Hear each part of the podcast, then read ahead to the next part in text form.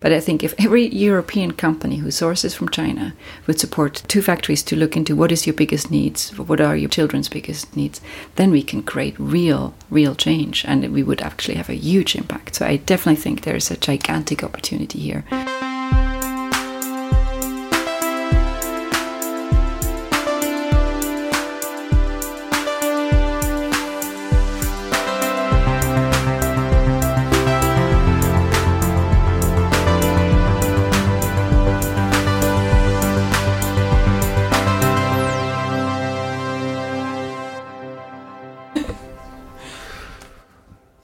Right, this is uh, Heja Framtiden, a Swedish podcast on the future. I'm at uh, Save the Children's office here in Stockholm, Rädda Barnen. Um, and I'm sitting here with Ines uh, Kempfer. Welcome to the show. Thank you. Uh, thanks very much for having me and your interest in our work. Uh, executive director at something called CCRCSR in Hong Kong. It's a great name. Um, uh, can you tell us what CCRCSR is and why it was founded in the first place. Sure. And a good job for actually managing to get all the C's um, in the right place. So, CCR CSR stands for the Center for Child Rights and Corporate Social Responsibility.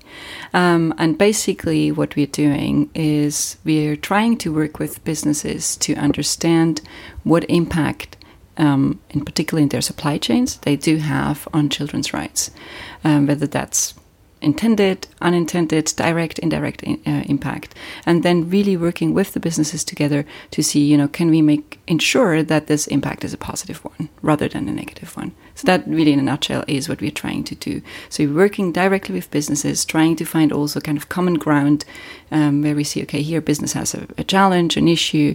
We also see that this creates an issue for child rights. How can we bring those two things together and actually create a positive story out of that? So, uh, Save the Children is the founder and the owner of the company, right? Yeah. Of the organization. Yes, absolutely. So, Save the Children um, decided a few years back that they wanted to have within the NGO that they wanted to have something more of a consulting services that allows them to work with companies on those issues.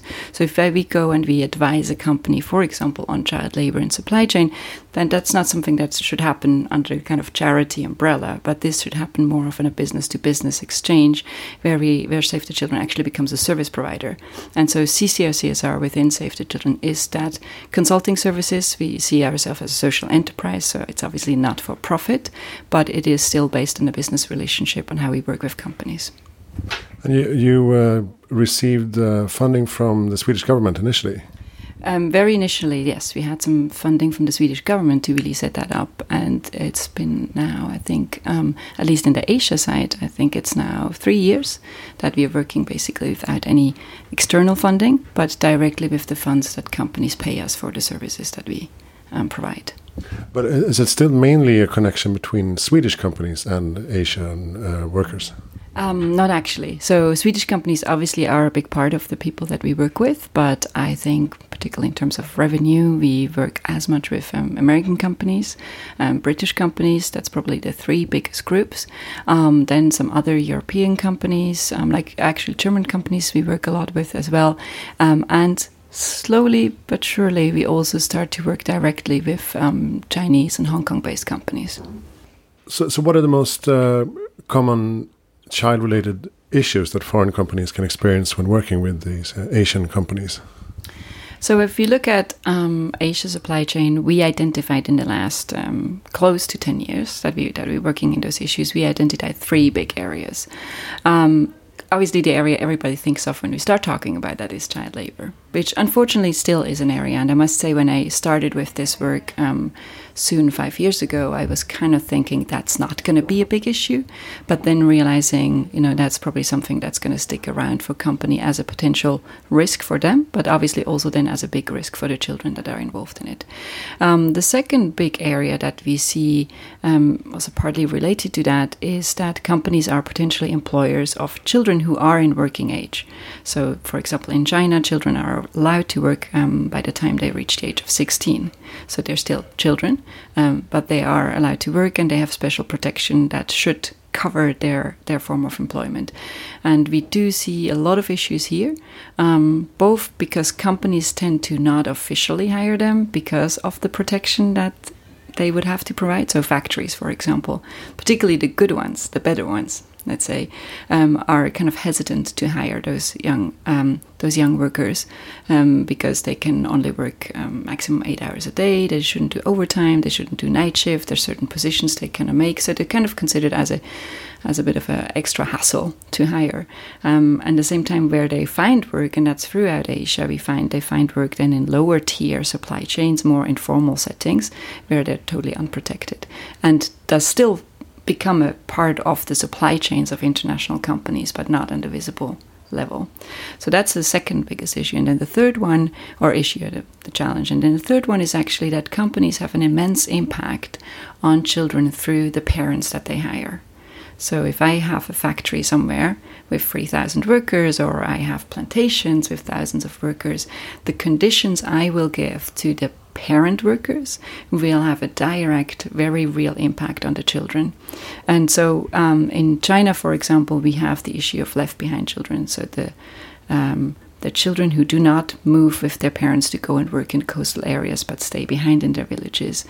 And this creates a huge challenge for those kids um, and the, the, the, workers themselves as they never see their children. Many of them, um, in our last survey, I think it was still 70% of the working parents who only see their kids once or twice a year.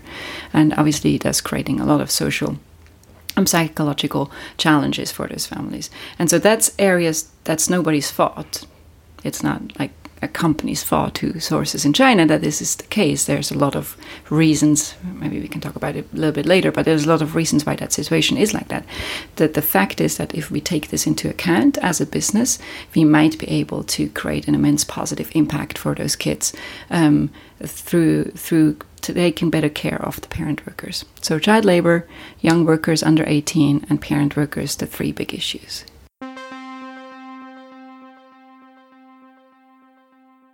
Um, so yeah, we've been touching upon social sustainability a lot in, in the podcast, and uh, with better transparency, it allows for better supply chain control, uh, naturally, but it also puts uh, an increasing amount of pressure on the consumer brands, on on the brands here in in, in Sweden and Europe. Um, and I think the question is always interesting: How far is the responsibility? How far can it reach? What, what do you think? So basically, I mean, on a very kind of simplistic level, I still feel that I have to stand that um, it, it's obviously difficult, and we can say, oh, you know, we didn't contract those people down the supply chain, or we didn't know our cotton is coming from this area, or we didn't know our, where our um, cacao was produced, etc. So we have a lot of arguments to say why maybe companies are not fully responsible. The fact, though, is that we are sourcing from those countries because the prices there are cheap. Um, and they are cheap partly because people live in poverty, partly because governments are not functioning the way they should, etc. And so we as consumers as well as companies benefit directly from sourcing from those countries. So even if it's not intended, if we don't, you know, or even if it's a couple of steps down, it's still a fact that as companies and Western consumers, we are directly benefiting from the fact that we now can go and buy a t shirt for um, under 10 euros in jobs. And so I think with that comes a lot of responsibility. Um, which we can't push off and just say, "Oh, we didn't know um, what's happening down the stream."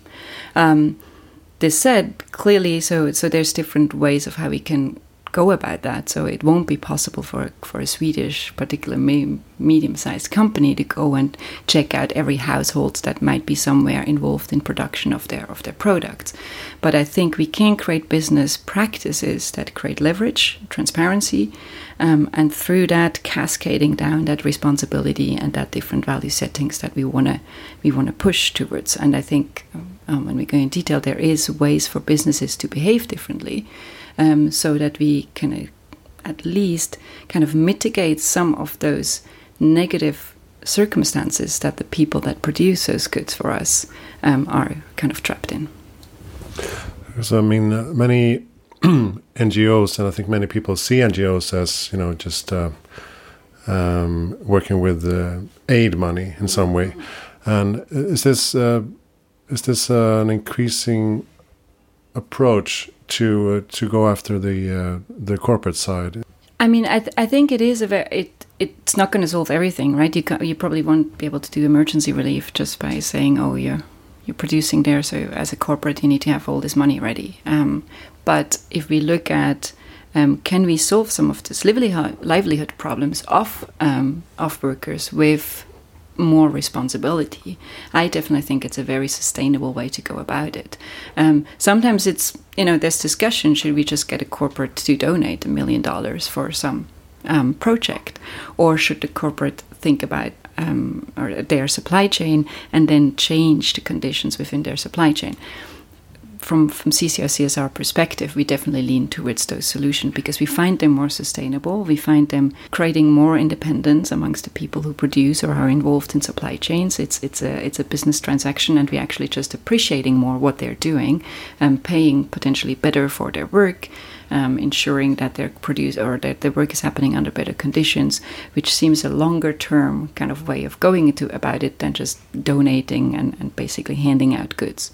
So there's definitely, I think, a strong argument to do that. It's not going to replace a lot of the work that NGOs are doing entirely, and it's not going to re replace um, the money that is needed through donations. But I think um, if we want to get to a, a world that's a little bit more equal and a little bit more fair, then um, then I think this is a really good way to to start working on it. And we've seen this um, move towards the sort of the third leg in the sustainability triangle, uh, more towards uh, social sustainability. And um, if you look at Middle Eastern and Asian countries that have discovered that they can uh, switch to uh, renewable energy, for example, they are investing billions of dollars in that mm. and uh, can really make a huge impact. Mm. Do you think we can see the same impact when these countries also discover the benefits of social sustainability? Um, I think social sustainability is a bit more complicated because I think the kind of calculations on returns of investment are not so easily calculatable. Like it's not like if you do a lot of the kind of sustainability environmental work, you can really put it down to numbers and you can say, okay, we make XYZ investment and that will pay off in two years and, and we'll get better. Unfortunately, with the sustainable investment it's not quite as easy because it's sometimes a bit more hidden. It's hard to to put it down into numbers. It's hard to calculate it.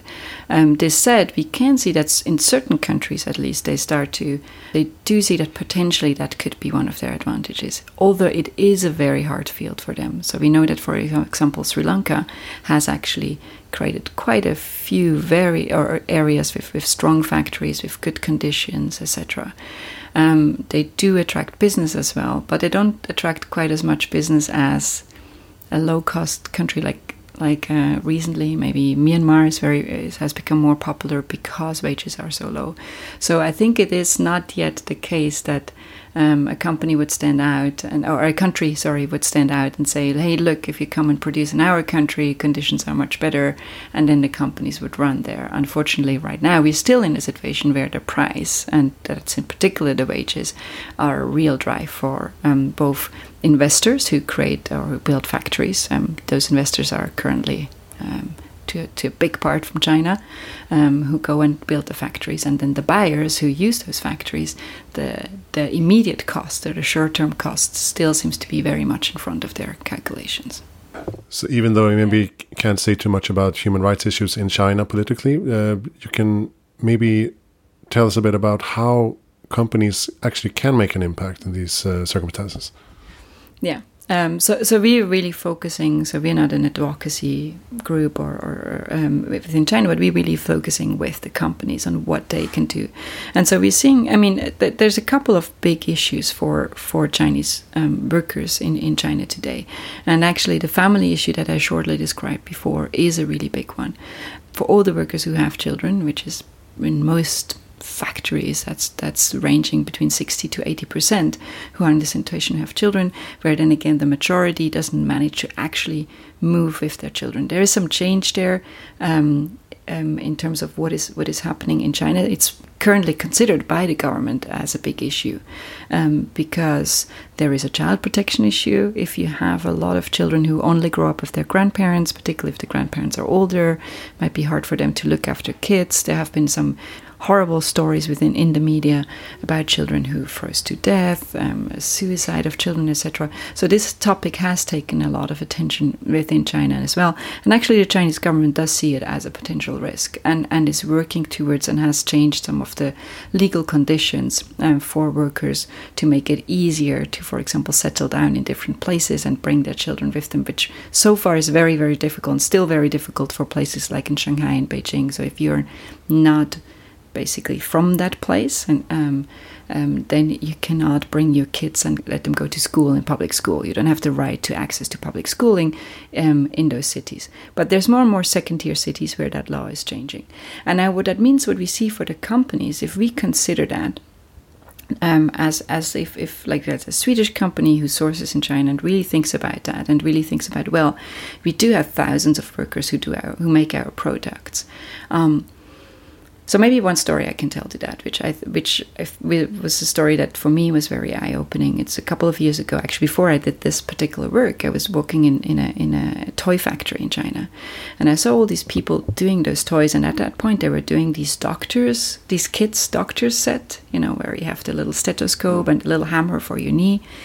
And the thing I think why I was so touched because at that point, my kids had exactly exactly that toy in their room and so I was really, it was quite a shabby factory, honestly. The conditions were bad. And I saw all these workers doing that toy, and it just really got to me because my kids were using that particular toy. And so I sat down and talked to one of the workers there, was a woman, probably around 30, 35. And so I asked her where she's from, and then I asked her if she has kids herself. And she said, Yeah, I have two kids, one is five, one is seven. So more or less also in the age where they would actually play with that toy. So then I said, So are you going to go home over Chinese New Year? She said, Yes, I'm going to go home. I haven't seen them for a year, which already I find very touching. And I asked her, Well, will you bring a toy to your kids? And like, are you, are you allowed to bring one? And she probably even thought I tricked her. Um, and she looked like, she said, No, no, no, I would never steal anything. I would never steal anything. She was like terrified by that question.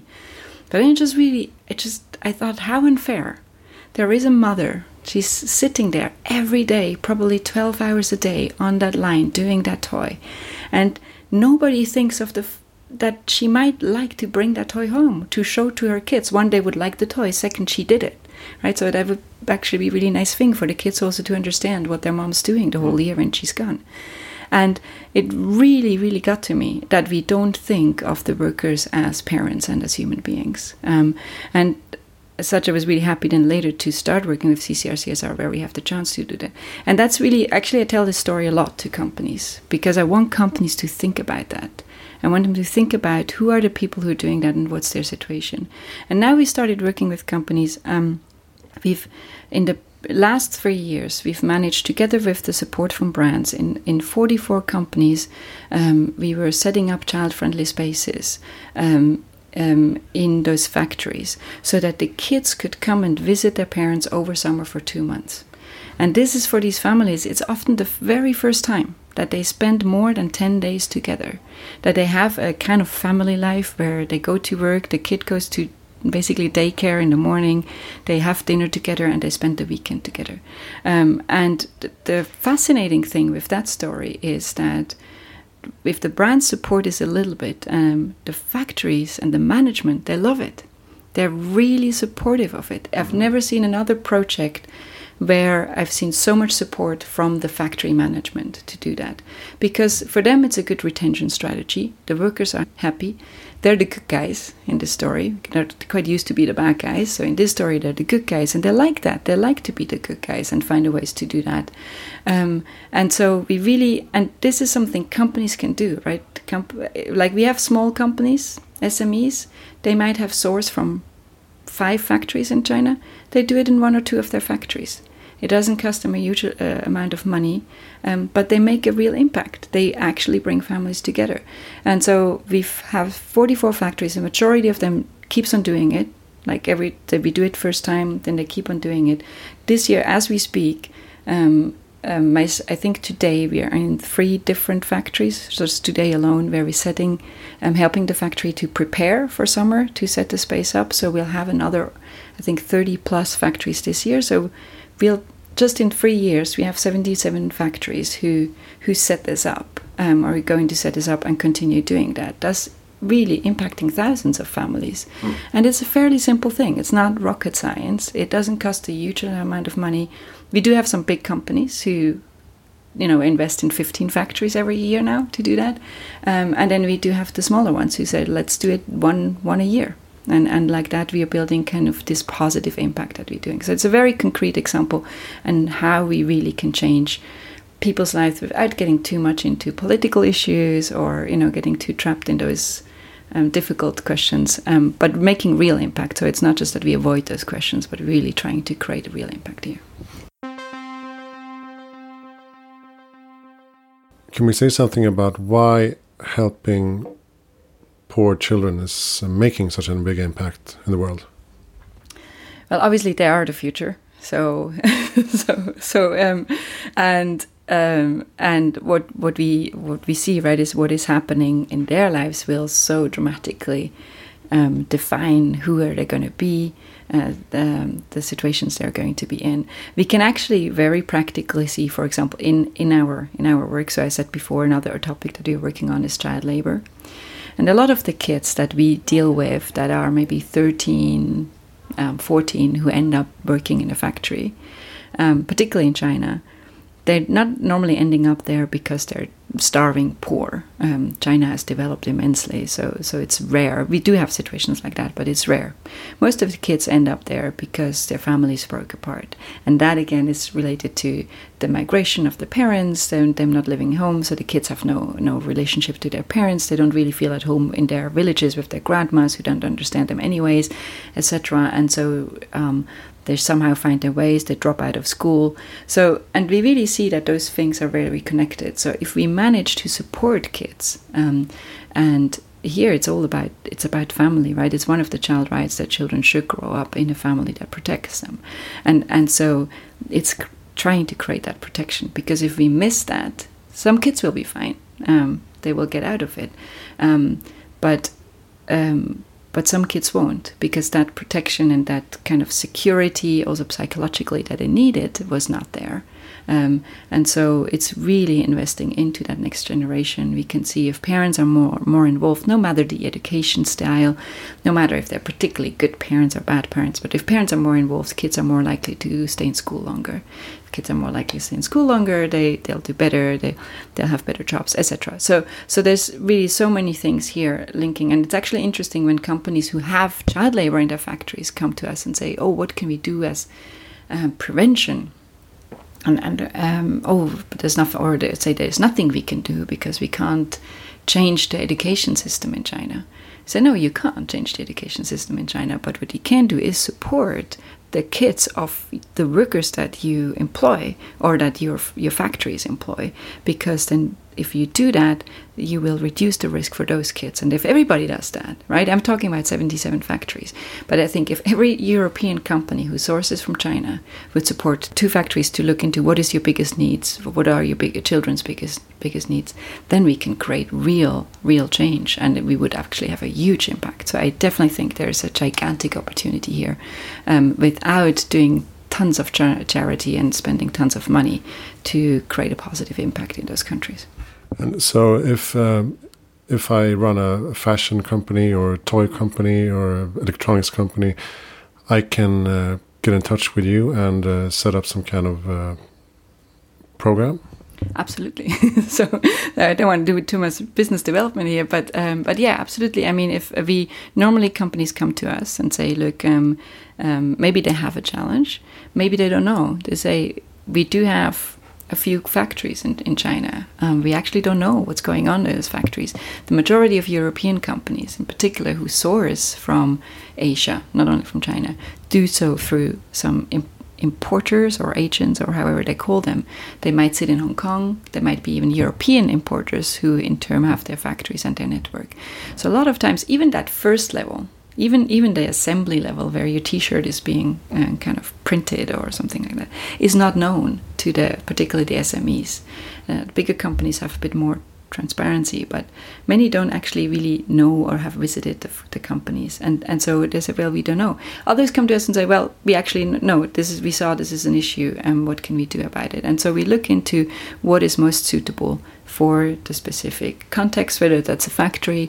We also work quite a bit currently in agriculture um, or food supply chains, etc. So we look at those different challenges. We just did a study on homework, where, um, which is something that happens a lot in um, kind of accessories and kind of home goods, like decorative goods. So many of those goods are not actually happening in factories; they're being done by workers in their homes, and thus um, have a lot of potential impact on children because the production is happening in the in the kids' home um, di directly. Um, the companies buying from Europe might not know that because they have a collection center which kind of looks like a factory, but it's not actually coming from there. So we really we look at with the companies, um, you know, what is what is the challenge.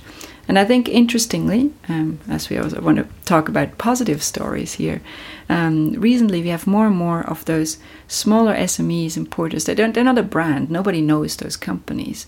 But because their customers are more and more expecting, they really start to see it for them as a business advantage. So we have these small German, Swedish companies who come to us and say, We, we source from 15 uh, 15 factories in China. We have maybe five, 10 different or even more different clients in Europe. You know, how can we stand out as a importer that does more than the, the general public? Um, so I think that's quite refreshing to see because it's something very new. Because I think for a long time this kind of CSR and sustainability, social sustainability work was just sticking to the to the brands, you know, the Nikes and H and M's and uh, etc. Um, and and, and another trend that I find very, very positive is uh, actually just last week I got an email from a, uh, uh, I think it's Hong Kong based, Chinese owned factory who were telling me, well, we're going to open a factory in Myanmar. And we heard from one of our buyers um, that there is a big risk um, around child labor, juvenile worker, etc., um, potentially in, in Myanmar. So, could we sit together with you and think about what we need to do when starting operation there in order to make sure we protect children and young people. And I honestly was blown away because we're not used to that, right? Normally we come in and it's the Chinese companies or like, you know the, the, factories that we need to tell them, oh, you can't do that, you can't do that, and seeing that shift in them taking responsibility themselves and before they even start operation, thinking about those questions. I mean, I was like, this is just like that email definitely made my day because that's really I think where we want to get to with this kind of work. Mm. Can companies also ask you for uh, good factories?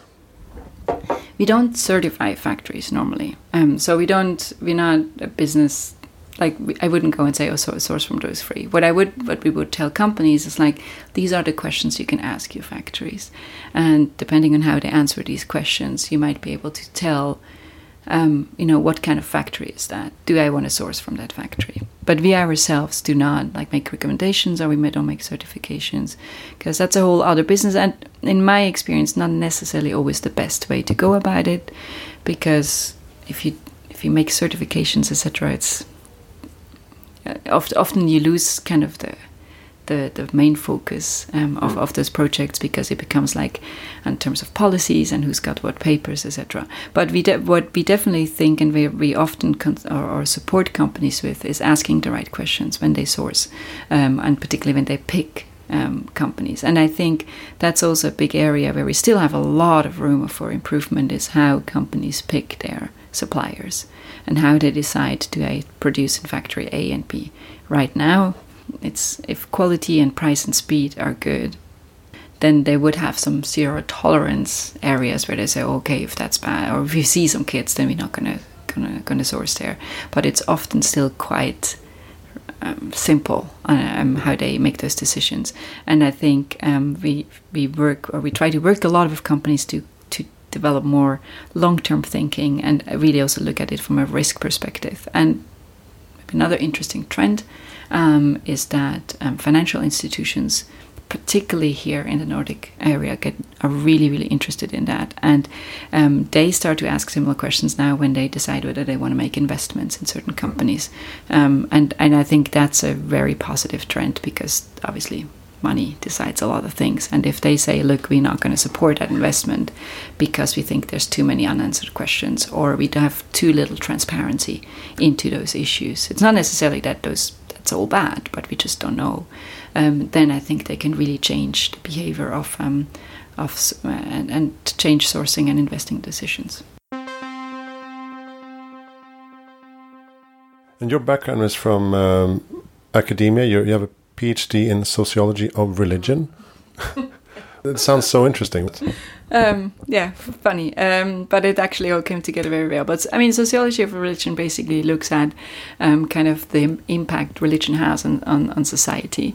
Um, and I just kind of fell into that. I had, I was studying um, social work and sociology. I was also studying a science of religion, and then I kind of um, came into that area. Um, I think um, so. I had a PhD that was around understanding the impact of Asian value settings on human rights perspectives, mm-hmm. Um, and so in that sense, I think it did prepare me quite well um, on um, on what I'm doing now, but also because in terms of methodology and the way we work in CCR is really very much data data based. So I think one of the maybe specialities that we have is that we for one, um, go about it in quite scientific ways to understand workers' needs. So we do representative worker surveys. We don't just talk to a few people or just a quick audit to understand what the issues are. Um, but both quantitative and qualitative um, methodology is really important. Um, and then working with businesses together to really measure the impact, um, both the impact it has on, on children, it has on workers, but also the impact it has on the actual business. So, for example, we measure um, retention, so it's uh, like how long workers are staying at a factory, how big the turnover is for this factory, potential productivity issues. So, we bring a lot of those data things together. So, I think that background in academia with um, very um, kind of very statistics data focused, but also having a strong focus on this kind of understanding of, of cultures and impacts on human rights perspective was really helpful. Not something I could have planned, be honest, or anyone could have planned. I think this came together very well. It usually does. Um, and you're from Switzerland, yeah. uh, but you only speak five languages. only, yeah. Should, I should speak some more. You don't speak Swedish. Uh, I don't speak Swedish, exactly. So my big, big miss in, in my language. Yeah. Uh, what is your best tip for making the world a better place in the future? Um, I think if if everyone, whatever job we're doing, what, whatever wherever we are, if if if we just trying to make a difference, it's easier to, to answer the other way around. So if you don't want to change the world, right, we just say, oh, there's nothing we can do. This is how, just how the world works, and we just accept it. Um, and if we want to change the world, that we just turn around um, and say, no, I don't want to accept it. It can be different. Um, and if we get, and I, I actually think I, I see people in companies single handedly turning their companies around. Um, which I think is, is amazing, right? It's it's easy. I mean, this is my job, so it's easy for me because I have that's that's what I'm supposed to do, um, to go to companies and get them to think about those those those questions. But if I see one company, one sourcing person at a company who nobody asked them to do that, it's not their their own KPI. They're not going to get a raise at the end of the day, but they're just saying, no, I'm going to turn around how this works because I don't I don't like it. Um, and so I see people making real, real differences like that. Um, um, and so I think that's how we go about it. Mm. And um, why is uh, CCR CSR uh, part of this uh, future in a way? Why why do you think you're what you're doing is special? Um, I, I, think I think well one for, for one we really work with with business, um, but also I think we're very very impact oriented. Um, there's a lot of BS in this industry. A lot of nice words, a lot of like sustainability, future, cooperation, blah, blah, blah, collaboration. So, a lot of those things. And I think one of the things you don't get with CCR CSR is many of those big words, but really actually um, the question of like, you know, how many, what was our impact? We, we just started last year to send Christmas cards to our uh, clients or partners. Um, but we only sent the Christmas cards to those clients where we could really pin down this is what we achieved together. And we said, okay, you know, like, you know, 200 families spent the summer together because of what we did. They wouldn't have spent the summer together otherwise. Um, or 10 kids who were found in a, in a factory are now back in school. So we're really trying to cut through the big words and, and to cut through a lot of the PR that is in this whole CSR industry and really pin it down to what are we actually doing and never lose that out of our kind of, of our sight. We wanted to have business impact, we wanted to be positive for business, but we need to have real impact. It cannot be just some glossy sustainability report. And that's the frustrating things, right? If I go to a conference, I'm always frustrated because in a conference, a CSR conference anywhere, it sounds like we're great. Like all companies are doing amazing, it's all beautiful and obviously, we know it's not quite like that. So I think where we are do stand out, and I think that's also this connection to save the children and our strong focus on children's rights that helps us with that is that we're not going to get let companies get away with um, just glossy, uh, glossy language. It's really like, so did you have any impact, and is that impact positive for kids? And that's our question. Mm. Do you um, have a reading tip?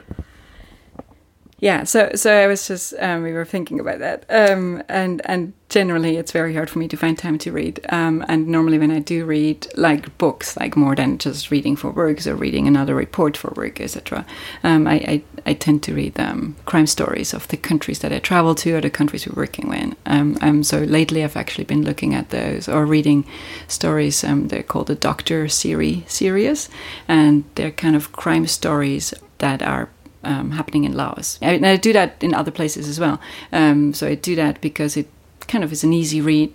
It's a crime story. It's fun. It takes my my mind off some of the tougher things of the world, but at the same time, it often gives a really good insight in some of the history and culture, etc. And so, for example, those Laos crimes are really interesting because one learns a lot about the Buddhist beliefs in, in Laos and um, kind of the belief in spirits, etc. So it's it's a bit space for for Western Swiss mind, um, but but really really interesting and helpful.